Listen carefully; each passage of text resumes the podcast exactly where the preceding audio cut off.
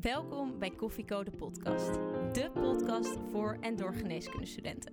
Waarbij wij, gewapend met een kop koffie, voor jou op pad gaan om interviews af te nemen met de leukste, interessantste en meest inspirerende artsen van Nederland. Dit is Koffieko. Hey Ko, ja wat doe je daar? Er staat een carrière voor je klaar. Maar je weet nog niet wat en waar. Een cappuccino maakt het minder zwaar. Dus zet je volumeknop omhoog. Want je luistert Koffieko en je weet het zo. Papa, papa, para, para, para. Leuk dat je weer luistert naar Koffieko de podcast. Wij zijn Mare. en Doris en vandaag hebben wij te gast dokter Yvonne Lichtenberg, KNO-arts en opleider in het UMC Utrecht. Dr. Lichtenberg, welkom in de Koffieco Studio. We hebben net een eh, lekker kopje koffie gehaald. Hoe drinkt u hem het liefst? Latte macchiato. En niet te laat. Dus dit kon net, maar wel tegen jullie van... eh, Het is op het randje, Het hè? is op het randje. Ja, Ja. wa- want wat gebeurt er dan als het te laat is? Nou, dan heb ik daar de rest van de avond en nacht heb ik daar dan last van. Ik denk dat dat toch een beetje de leeftijd is die begint te spelen, helaas. Maar eh, ik heb eh, vanavond nog mijn laatste dienst. Heeft u de cafeïne ook nodig om op te starten? Nou, eh, soms dan denk je van niet. Hè? Dan denk je van je wil niet dat je daaraan verslaafd bent. Maar ik kom niet de weekenden door zonder koffie. Dus ik ben bang dat ik dat, eh, dat, ik dat toch heb. Nou, ik kan er ook echt enorm van genieten. De geur, de smaak. En dan denk ik meteen aan een veelbesproken KNO-onderwerp van de afgelopen tijd. Namelijk De reuk. de reuk. Ja. En vooral het verlies daarvan Ja. tijdens de corona. Ja, ja. Wat als mensen tijdelijk deze zintuigen, hun reuk en hun smaak verliezen? Wat, wat merk je dan als KNO-arts? ja, dat is echt invaliderend. Dus het is dat het bij het publiek nu ja, bekendheid krijgt, maar we kenden de reukverliezen daarvoor natuurlijk ook al. Want je kunt ook gewoon vanuit een normaal eh, griepvirus of eh, een bovenste luchtweginfectie je reuk verliezen. En ja, we weten dus, dus dat dat echt heel vervelend is. Ja, als je je reuk kwijt bent, dan is lekker eten Veel minder leuk. echt veel minder leuk. En dat, ja, dan, dan boet je echt in op kwaliteit van leven. Ja, dat, dat is echt heel lastig voor patiënten. Zeker als je. Hè, dus we houden denk ik allemaal wel van lekker eten. Maar stel dat het je beroep is. Hè, stel dat je kok bent. Of je bent sommelier. Of ja, dan heb je echt wel een probleem. De koffievraag eh, is een beetje onze ijsbreker van onze podcast. Eh, iets om het gesprek op gang te helpen. Heb jij ook zoiets in de, in de spreekkamer? Een, een, ijsbreker, een echte dokter Lichtenberg ijsbreker? Nou, ik probeer een eh, patiënt altijd wel eerst eventjes eh, op gemak te stellen. En het was wel grappig, want eh, als je patiënten op een gegeven moment langer kent, dan merk je ook dat patiënten dat dan ook aan je terug gaan geven. Dus zo loop ik het liefst altijd op eh, hakken. Het was in coronatijd was dat minder, want toen moesten we natuurlijk allemaal eh, in, die, in die pakken. En dus toen had ik toch maar weer ook voor mijn polykliniek mijn klompen uit de kast gehaald. Wat ik liefst niet doe, want ik ben er toch van overtuigd dat als je er representatief uitziet tijdens je spreekuur, nou, dat dat toch ook wel vertrouwen wekt bij patiënten. En toen begonnen patiënten tegen mij eh, te zeggen van, oh, ik hoorde u niet aankomen, want normaal hoor ik altijd uw hakjes. Dus dat vind ik dan wel grappig. Ehm, hè, dus daar heb ik dan even een praatje over. Dus ik probeer altijd wel even iets informeels ehm, met de patiënt. Ik probeer ook altijd even iets te vragen over familie of over een sociale privé-situatie waar ik dan later dan weer op terug kan komen, op kan inhaken. Dus dat is een beetje mijn. Ik schrijf dat ook altijd wel even in een dossier, want ik kan dat natuurlijk ook niet allemaal onthouden. Maar ik bereid altijd mijn spreekuren voor en dan denk ik, oh ja. Dus op het moment dat ze dan binnenkomen, dan haak ik daar eventjes weer op aan van, goh, hè, u bent de vorige keer bent u eh, opa geworden. Hoe gaat het met uw kleinkind? Hoe gaat het ermee? Nou, en dan, ja, dan merk je dus, dus dat dat heel veel waard is voor de patiënt. Toch wel belangrijk, een goede ijsbreker. Zeker.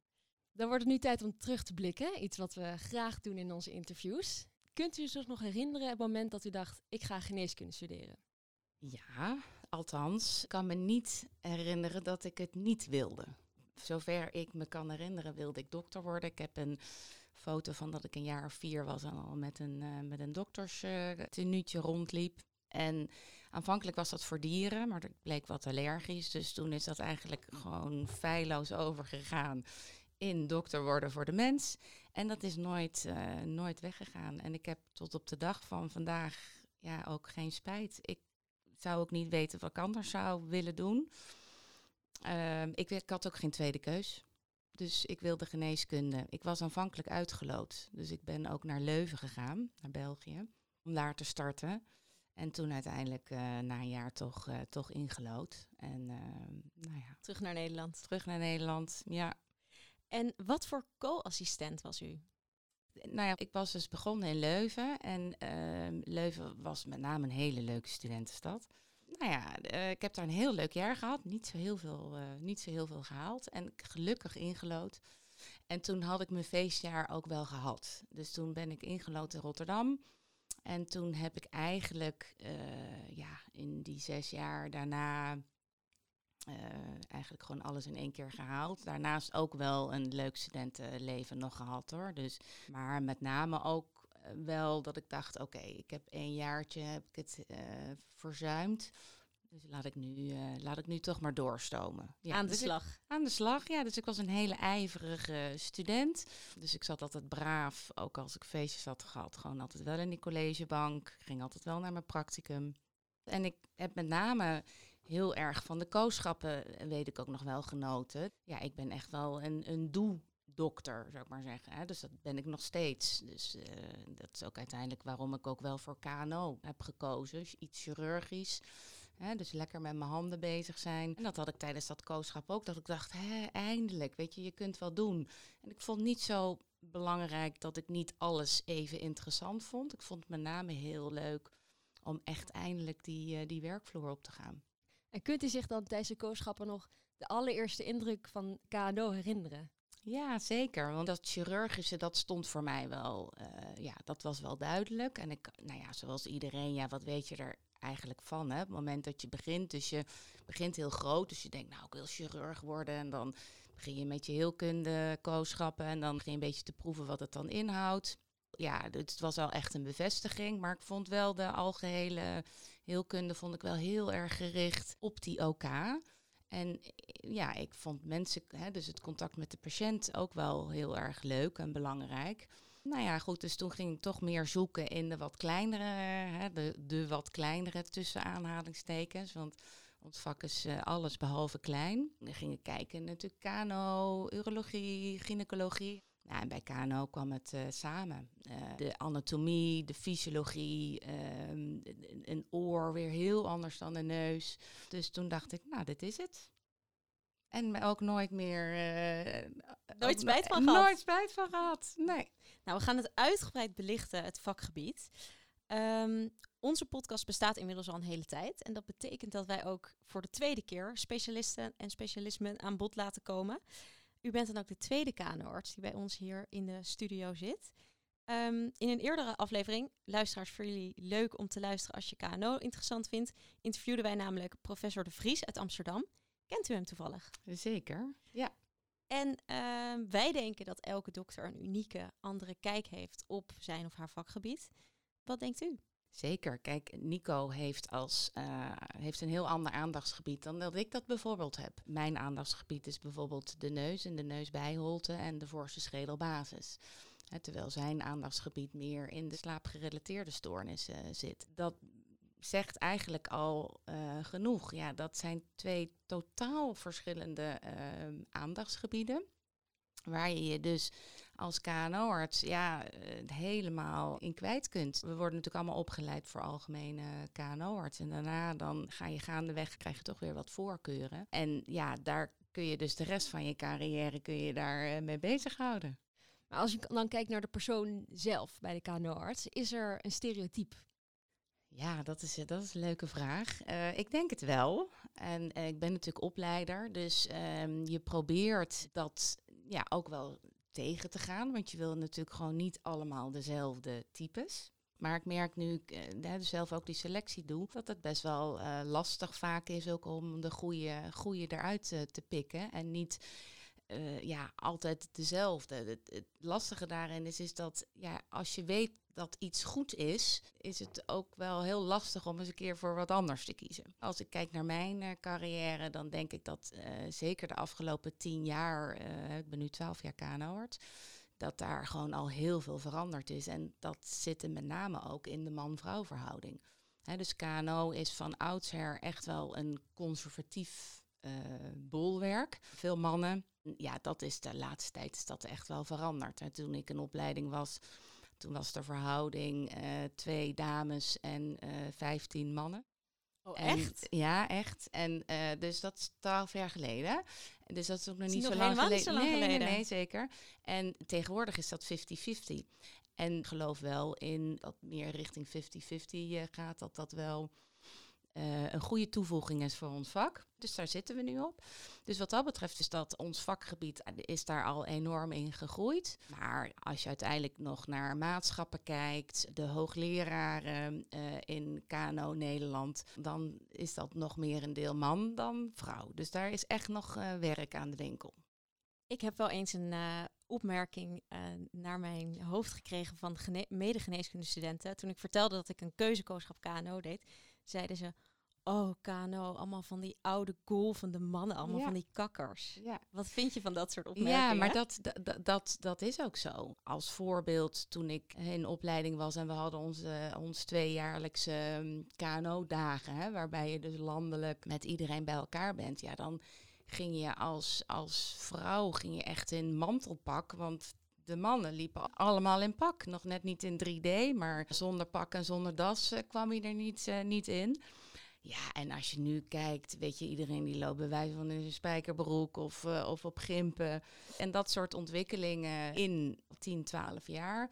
Dus over 10 jaar dan zijn we denk ik weer een stapje verder. Precies. Ehm, je geeft een voorbeeld van een soort KNO-congres. Als je de sfeer daar moest beschrijven, van al die KNO-artsen bij elkaar, wat voor sfeer hangt daar dan? Nu of toen? Nou, nu laten we het over het heden hebben. Ja, nou, tegenwoordig is dat echt een hele goede eh, sfeer. Waarbij jong en oud door elkaar eh, heen loopt. Waar, waar er echt ruimte is voor iedereen om vragen te stellen. Dat is niet alleen maar eh, dat de hoogleraar een vraag of commentaar mag leveren. Maar dat is gewoon voor iedereen. Er komt ook steeds meer ruimte gewoon voor de, voor de AIOS zelf. Hè, om invulling te geven aan het, aan het programma. En eh, ja, de AIOS, hè, dus de jonge eh, KNO-arts eh, in opleiding, maar ook als jonge klaren, om die steeds meer verder naar voren te schuiven en die steeds meer stem te geven versus de oudere garde. Ja, dat is wel een, een missie van mij. Wat leuk. Gaan we het zeker meer over hebben. Voordat we verder de inhoud in duiken, zouden we graag van u willen horen wat in uw woorden de KNO eigenlijk precies is. Zou je dat in een paar zinnen kunnen uitleggen? Ja, zeker. Nou, KNO is ehm, een eh, vak wat veel meer inhoudt dan alleen maar buisjes en amandelen, want daar kent iedereen het natuurlijk van.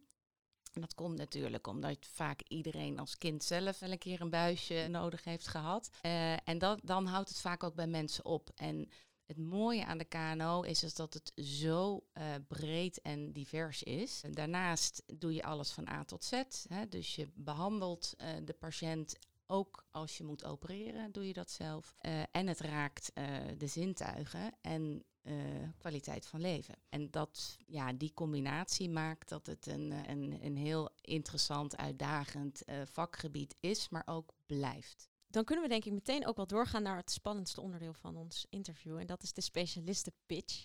En dat is ja, een, een item waarin de specialist 30 seconden krijgt om zijn of haar vakgebied te pitchen aan de geneeskundestudent. Ben je er klaar voor? Ik ben er klaar voor. Mooi. De specialistenpitch. 30 seconden waarin jij de geneeskundestudenten ervan overtuigt om voor jouw specialisme te kiezen. Als jij denkt dat een KNO-arts alleen maar trommelvliesbuisjes en amandelen knipt, dan heb je het mis. Een KNO-arts opereert alles in zijn eigen gebied. Dus de oren, de neuzen, de bijholtes, een hals, stembanden en speekselklieren. En daarnaast behandelen we ook de hoge acute luchtwegobstructies en ernstige bloedingen. We opereren niet alleen middels een snede in de huid, maar ook veel met de microscoop en de endoscoop. Verder raakt het vak meerdere zintuigen, hè, je reuk, je gehoor, eh, maar ook zaken als je stem en je slikfunctie. Dus die hebben echt met kwaliteit van leven te maken. net buiten de tijd. Ik wil te veel vertellen. ja, maar dat is een goed teken. Ja. Ehm, ik wil meteen iets, iets anders aansnijden. Ik heb tijdens mijn coachschap KNO heb ik ervaren dat KNO echt een heel visueel vak is. Het is echt kijken. Ehm, kun je dat uitleggen? Een kijkvak, wat houdt dat in? Een kijkvak betekent dat je eigenlijk op de polykliniek eh, al heel ver komt. Dus eigenlijk hebben wij in de spreekkamer al snel toch de diagnose rond, omdat we niet dan afhankelijk zijn van een extra aanvullend onderzoek. Vaak eh, hebben we natuurlijk uiteindelijk wel een scan of iets dergelijks nodig, maar we komen al een heel eind. En dat heeft ermee te maken is, is dat we natuurlijk een, een unit hebben waarbij we een goede apparatuur hebben. Hè. Dus we hebben natuurlijk niet alleen maar onze stoel of een bank eh, en, en, een, en, en een otoscoopje. Maar we hebben natuurlijk elke spreekkamer hebben we een microscoop. Dus dan kun je gewoon echt goed in die oren kijken. Dat is echt een wezenlijk verschil dan met een, eh, met een handotoscoopje. En we hebben in onze spreekkamers hebben we ook de mogelijkheid om meteen met een klein scoopje te kijken. Dus je kunt via de neus kun je eh, nou, het hele neus- en neusbijholtegebied op die manier inspecteren. Maar ook lager. Dus je zakt af via de neus. Ehm, kom je achter in de mondholte uit. En tot en met de stembanden en het begin van de slokdarm kun je dus meteen overzien. Als mensen binnenkomen en denken dat er eh, iets van kanker in hun keel zit, eh, omdat ze last, eh, last hebben met slikken of stemproblemen hebben, dan zie je eigenlijk al vrij snel of dat wel of niet zo is. Hè. Dus meteen al in datzelfde consult door die scopie. En dan kun je dus mensen ook al meteen, hopelijk in de meeste gevallen natuurlijk geruststellen, of meteen daarna al je adequate eh, diagnostiek, verdere diagnostiek aanvragen. Als co-assistent vond ik het dus wel best wel heel erg moeilijk om eh, goed mee te kunnen doen op het gebied van dat, dat kijken. Want het Ja. is best wel vaak dat je dan in een oor kijkt en dan denkt, oh, is dit, is dit nou normaal? Ja. Of is dit niet normaal? Ja. Hoe weet je of je goed bent in zo'n visueel vak? Ja, dat is heel lastig. Dat is hetzelfde als hoe weet je dat je goed bent eh, operatief. Dus dat vind ik nog steeds, eh, wat ik toen straks al zei, van het is best lastig om ook tijdens sollicitaties om dat eruit te pikken. Is iemand handig? Eh, ja, ook opereren is uiteindelijk natuurlijk een kunstje. Dus je kunt, eh, ja, uiteindelijk kun je het iedereen leren. Maar ja, daar zit natuurlijk wel verschil tussen AJOS. En eh, ja, als je van jezelf al weet dat je gewoon echt compleet twee linkerhanden hebt, dan moet je jezelf gewoon toch goed in de spiegel aankijken van tevoren en denken van ja, ga ik dat aan? Want dan wordt het wel echt lastig. Hè? Als ik kijk bijvoorbeeld naar de KNO, dan moet je je veel operatieve eh, methodes eigen maken. Dus dat realiseer je je niet van tevoren. Hè? Want wat iedereen kent is, je maakt een snede en dan leg je alles open en dat is je operatieveld. Bij de KNO hebben we dat natuurlijk ook, hè? Als, je een, eh, als je iets in de hals opereert. Maar als je bijholtes opereert, dan doe je dat endoscopisch. Dus je moet endoscopisch leren opereren. Nou, dat is echt een vak apart.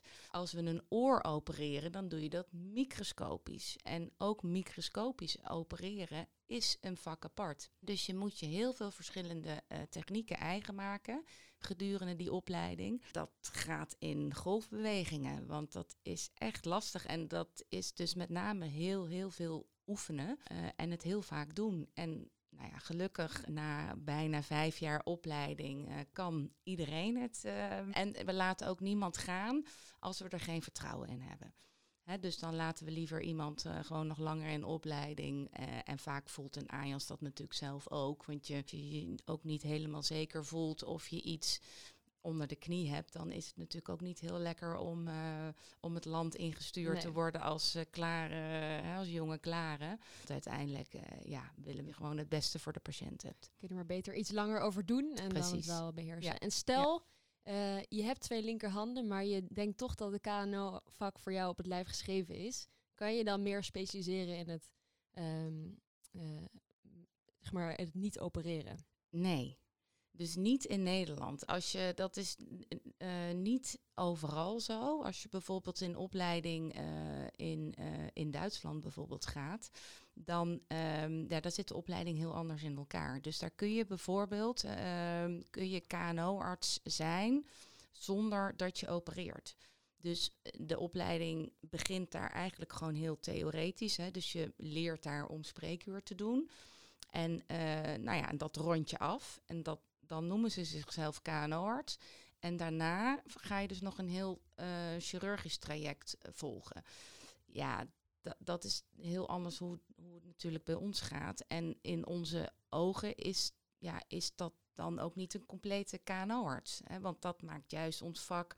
Het is verder niemand anders die in ons gebied opereert. Ja. Dat vind ik het leuke daaraan, hè, wat ik dus straks zei. Er zijn natuurlijk wel veel overlappende uh, specialismes waar je veel mee samenwerkt. Hè. Dat de neurochirurgen, de oogartsen, de kaakchirurgen. Hè, omdat dat natuurlijk allemaal uh, in de grensgebieden van ons vakgebied uh, zit.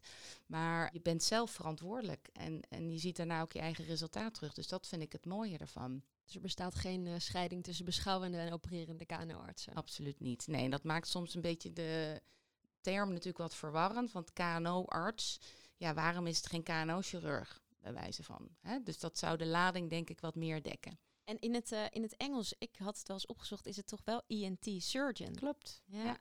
Ja. Nou goed, leuk die combinatie juist tussen polykliniek en uh, operatief. Ja. Hoe is die verhouding ongeveer? De verhouding is ongeveer um, 75% spreekuur, 25% opereren. He, dus je moet best wel veel patiënten zien, wil je je operatiedag uh, kunnen vullen. En je kunt ook, uh, ook wel hè, uh, veel polyklinische uh, verrichtingen doen. Dus je hoeft niet altijd naar die operatiekamer om, hè, om, om een patiënt te kunnen helpen. Dus we kunnen ook veel hè, in een behandelkamer onder lokale verdoving. Dus we verdoven de neus bijvoorbeeld met, met cocaïneoplossing. Dus daar kun je fantastisch iemand toch lokaal mee verdoven. En dan echt, echt wel ingreepjes doen.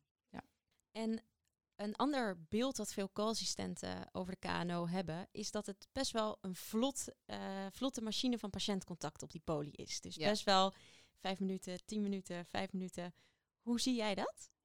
Ja, dat is denk ik toch een beetje het verschil tussen de, uh, hè, dus tussen de KNO in een, uh, in een algemeen perifeer ziekenhuis of academisch. De turnover in een algemeen perifeer ziekenhuis uh, is inderdaad hoog. En dat zit met name dus in de kindercategorie. De buisjes, de, de adenotomie, dus de neusamandel, keelamandel. Dus ja, daar zijn er veel van. Dus uh, dat kan lekker doorlopen. Maar als we kijken bijvoorbeeld naar een spreekuur hier in de academie, waar wat meer complexere hè, patiënten komen, um, ja, dan zit je gewoon op een kwartier per patiënt. Dus ja, de turnover hier is echt niet, uh, niet hoog. Maar goed, wel weer hoger dan dat je bijvoorbeeld een uh, internistische patiënt uh, van drie kwartier. Psychiatrisch onderzoek ja, van anderhalf uur. precies, ja. precies, ja. En u zei het net al kort, maar waar bent u in gespecialiseerd? In de bijholte, dus de rhinologie. Dus de rhinologie is de neus en de neusbijholte. En wat zijn dan veel voorkomende ziektebeelden die u ziet? De ziektebeelden met name die ik zie zijn uh, dus de chronische ontstekingen en neuspolypen. En uh, ik opereer bijvoorbeeld ook met de neurochirurgen.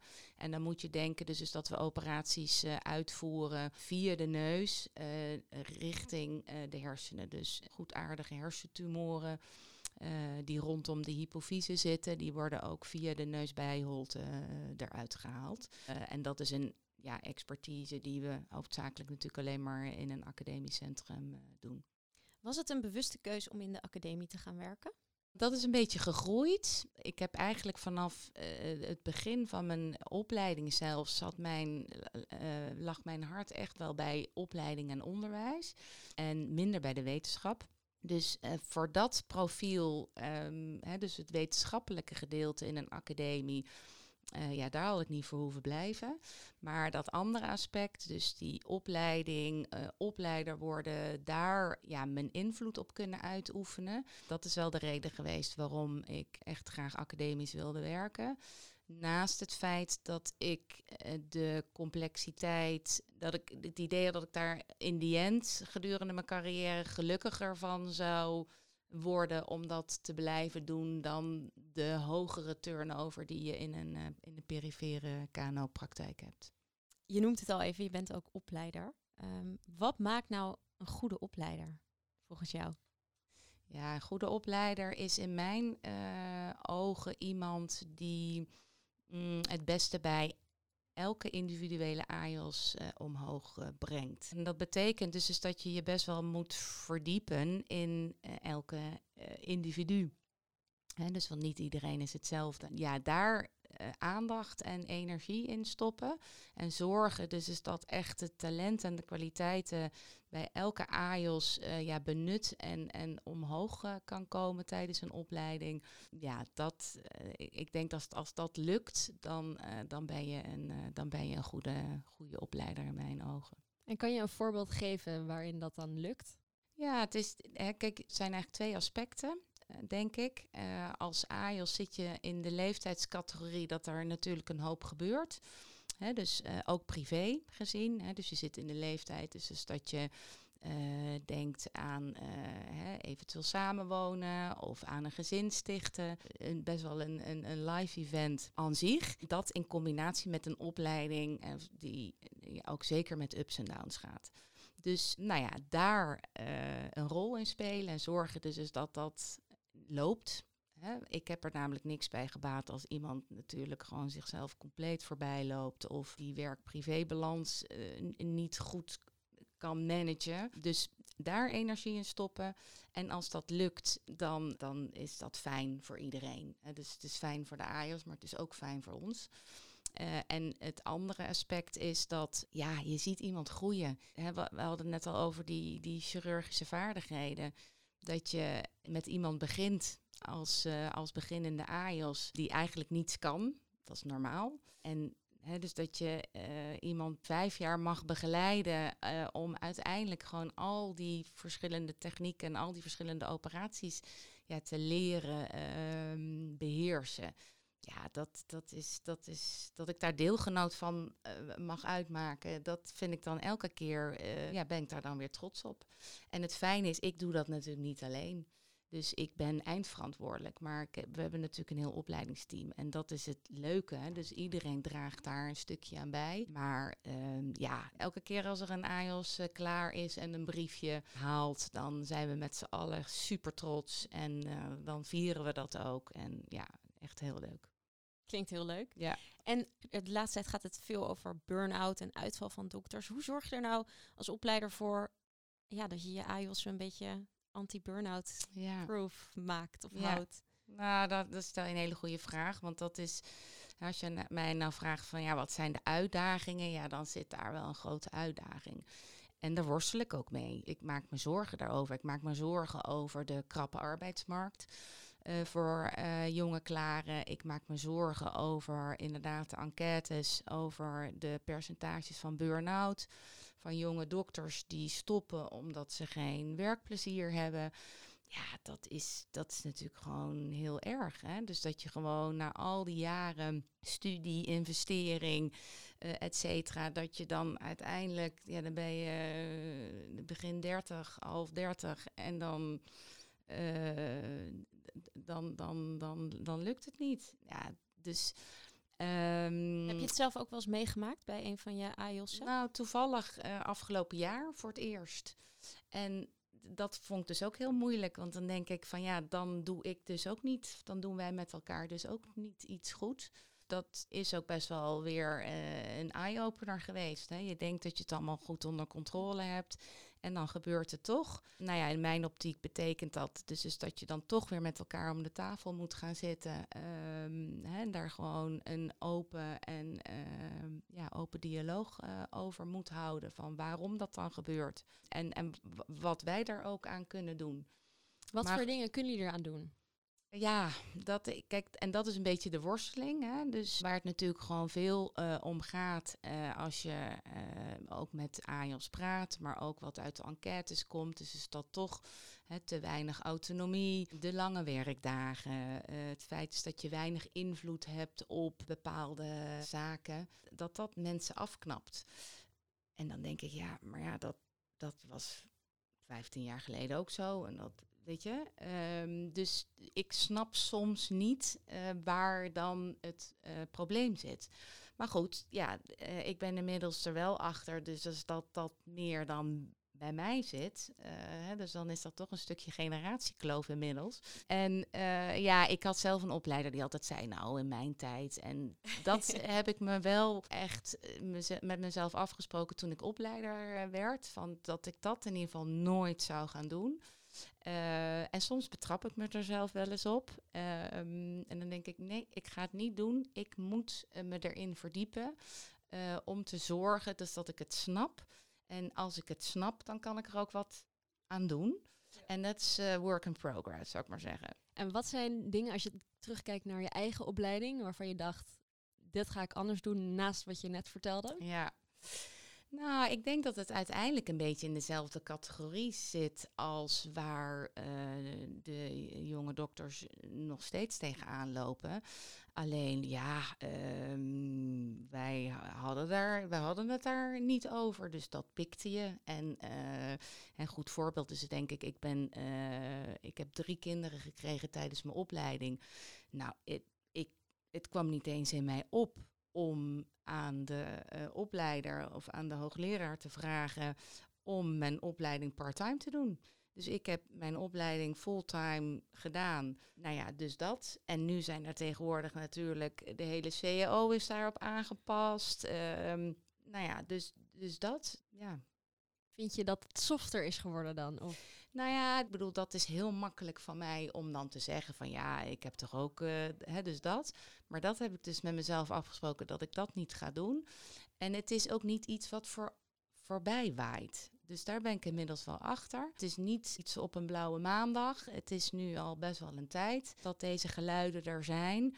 Eh, Ze nemen steeds meer toe. Dus eh, we moeten daar iets mee. Ik moet er wat mee. Ehm, ik wil eh, dat ik daarin mee groei, zou ik maar zeggen. Hè, want ik realiseer me ook, ik ben onderdeel natuurlijk van de cultuur waar men tegenaan loopt. Dus, ehm, dus ik zal zelf daar ook in mee moeten en eh, moeten veranderen. Maar Nou. ik vind het niet makkelijk, want ik snap het niet helemaal. Dus als ik het zelf natuurlijk niet snap, dan vind ik het ook moeilijk om het op te lossen. Ja, maar je klinkt wel welwillend om het te begrijpen. Ik ben wel welwillend en eh, ik heb ook eh, met mezelf afgesproken dat als ik niet meer welwillend ben, dan moet ik mijn opleiderschap moet ik neerleggen. Want dan ben ik niet meer de juiste persoon op de juiste plek.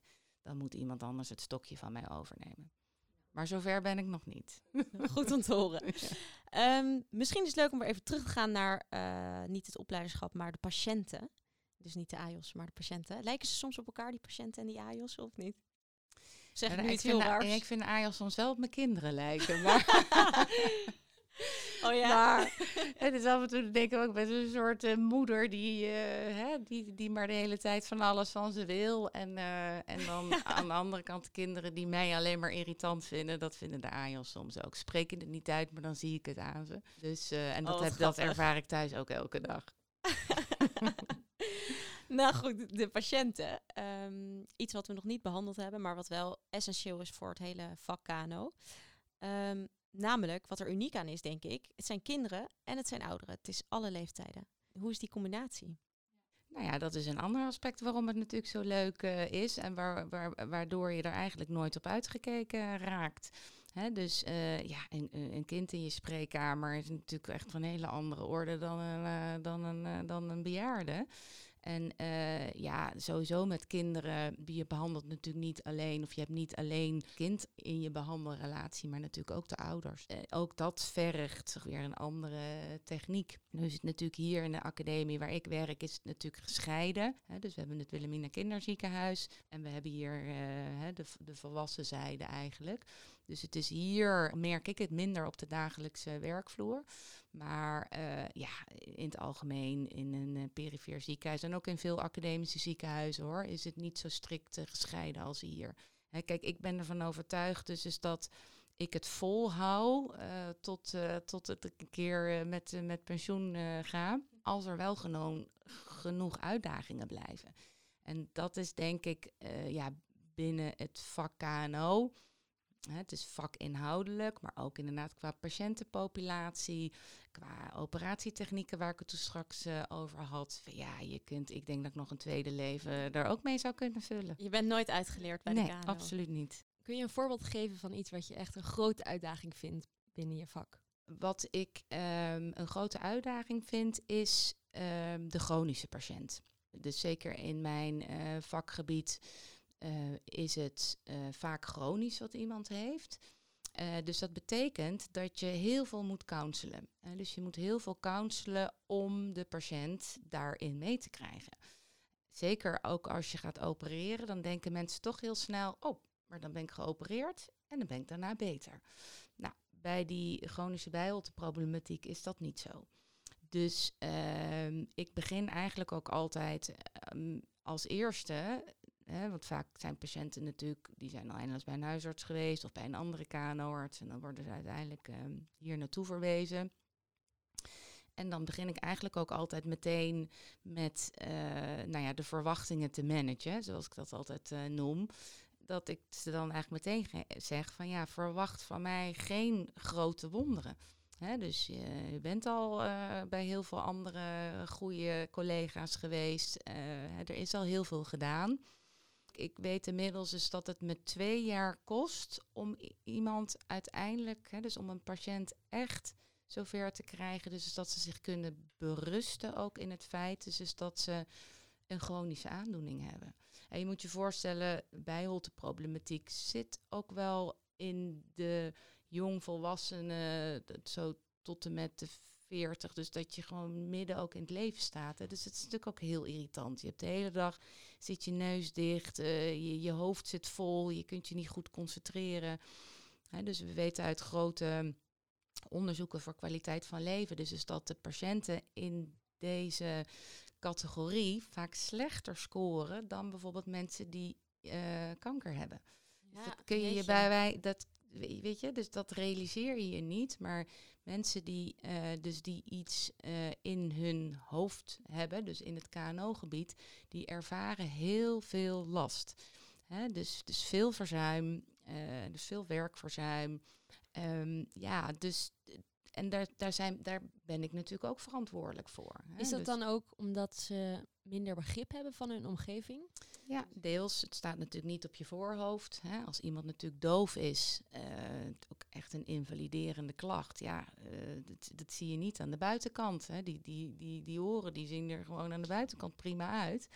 Maar ehm, ja, eh, ook rondom gehoorsverlies zit zeker bij jongere mensen zit nog best wel veel taboe. Het is heel normaal dat je een bril op je, op je neus zet. Hè, als je minder goed ziet, maar hoortoestellen op jongere leeftijd.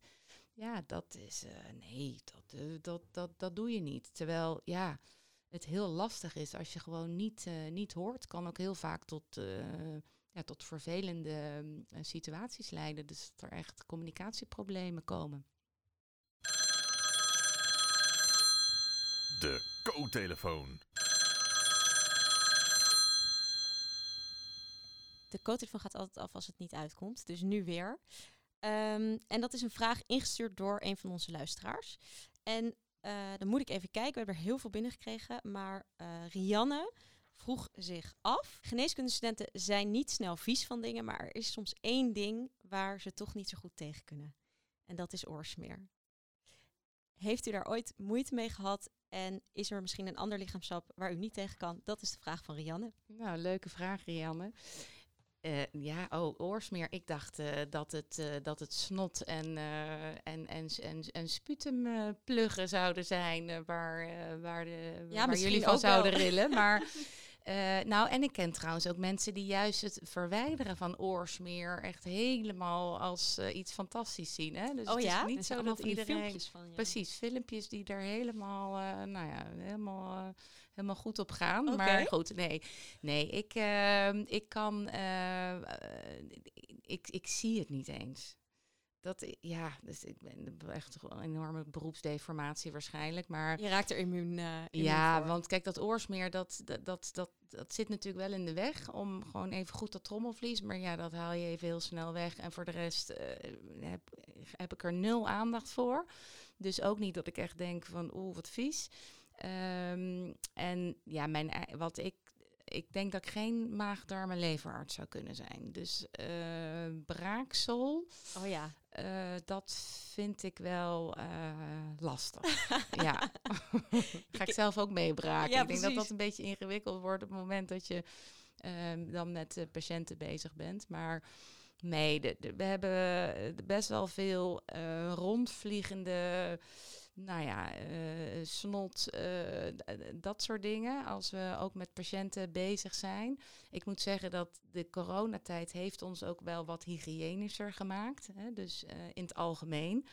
Hè, dus dat je nu eigenlijk gewoon standaard met een mondkapje en handschoenen en vaak ook een schort.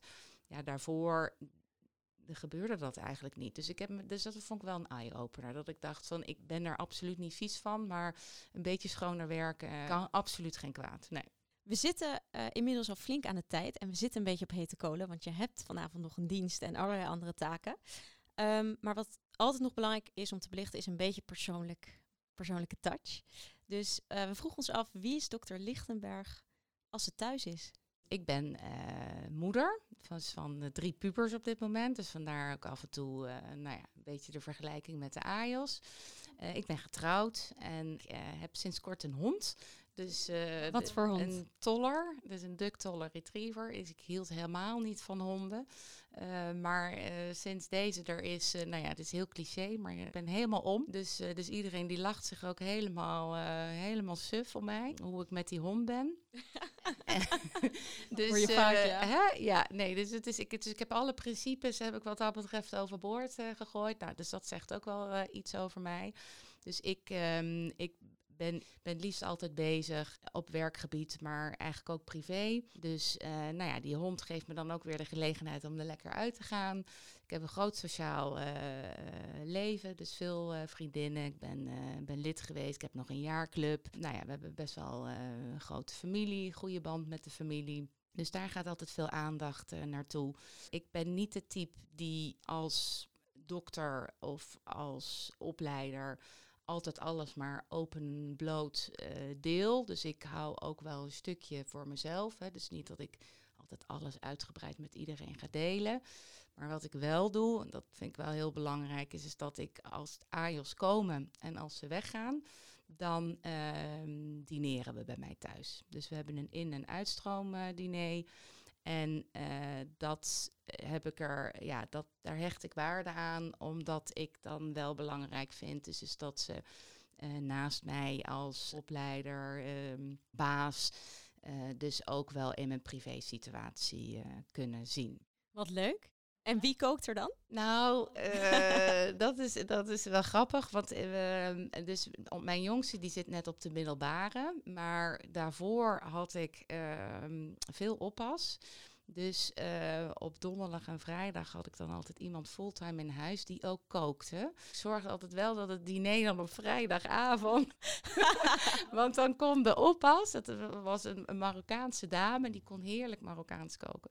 Dus die, dus die regelde dan het eten.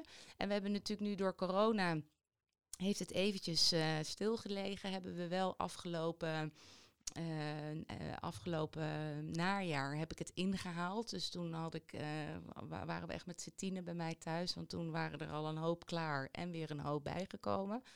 Ehm, maar toen heb ik zelf gekookt. Toen heb ik op woensdag, want dan is mijn vrije dag. Dus toen had ik al eh, een lekkere chili eh, gemaakt voor vrijdag. Nou, dus daar waren ze. Dus dan doe, wil ik ook wel mijn best doen. Dus het is niet dat ik het alleen maar uitbesteed. Ja, het is toch belangrijk als eh, taak van een opleider om ook daarin betrokken te zijn. Precies, en dan zien ze toch ook een stukje. En dan denk ik, ja, ja, weet je, tuurlijk horen ze wel eens wat over mijn kinderen of over mijn man of nu mijn hond. Dat is wederzijds natuurlijk. Hè. Ik denk dus dat als je zoveel ja, met elkaar bent, hè, soms ja, ben je natuurlijk meer met elkaar dan dat je thuis bent in sommige periodes. Nou, is het af en toe ook wel lekker als je een beetje weet hoe de persoon in een andere situatie is. Of dat als ik een keer mijn dag niet heb, omdat er thuis iets is, is dat ze dat ook beter kunnen plaatsen. Dus dat is natuurlijk wederzijds. Dat vind, ik vind dat ook belangrijk als AJOS dat met mij delen. Zodat ik ook hun kan plaatsen op het moment dat het, eh, dat het toch even minder gaat. Dus ja, dan moet ik daar zelf ook, ook het goede voorbeeld in geven. En ik vind het ook hartstikke leuk. Wij eindigen het interview altijd met de laatste tip voor de co-assistenten en jonge dokters. Als je nou één ding zou mogen meegeven, wat, wat zou dat dan zijn? Ja, nou ik denk dat het uh, dus best wel. Uh, ik vind dat, dat, jullie al best wel in een lastige situatie uh, zitten tegenwoordig. Hè? Dus ehm, waar we het straks al over hadden, met die banenmarkt, met nou ja, hè, alle, alle problematieken rondom um, werkplezier. En dan denk ik van ja, kijk bijvoorbeeld naar mij. Ik denk dat ik een van de weinige opleiders ben die niet gepromoveerd is. Terwijl de aandacht natuurlijk nog heel veel naar die wetenschap gaat tegenwoordig. En dan denk ik, is helemaal niet nodig. Zoek gewoon iets waarvan je echt denkt van nou dat vind ik echt leuk. En gebruik dat als uh, profilering. Hè, dus want ja, doordat de concurrentie natuurlijk zo groot is, blijft iedereen er uiteindelijk wel een beetje naar zoeken. Ik bedoel, dat doe ik zelf ook. Je wilt toch altijd uh, ja, een beetje de, de kandidaat plus. Uh, als je het toch voor het kiezen hebt. Dus realiseer je dat. Maar realiseer je dat dat ook echt niet alleen in die wetenschap uh, zit. Hè? Dus als je opleiding onderwijs leuk vond, zorg dan daar dat je hè, dingen gaat doen. Dus hè, zoek iets waar, waar echt je hart ligt en dan komt het gewoon goed. Mooi. Hele mooie tip. Heel erg bedankt daarvoor. Luisteraars, ik hoop dat jullie daar ook blij mee waren met zo'n nuttige en waardevolle tip. Uh, maak je niet te druk en doe vooral wat je zelf heel erg leuk vindt. Deze wijze woorden sluiten we dan de podcast af. Dr. Lichtenberg, hartstikke bedankt dat je bij ons te gast wilde zijn. Luisteraars, jullie ook ontzettend bedankt weer voor het luisteren. Like ons op alle social media en um, blijf dat doen, blijf luisteren. En tot de volgende keer bij Koffiecode Podcast. Tot ziens.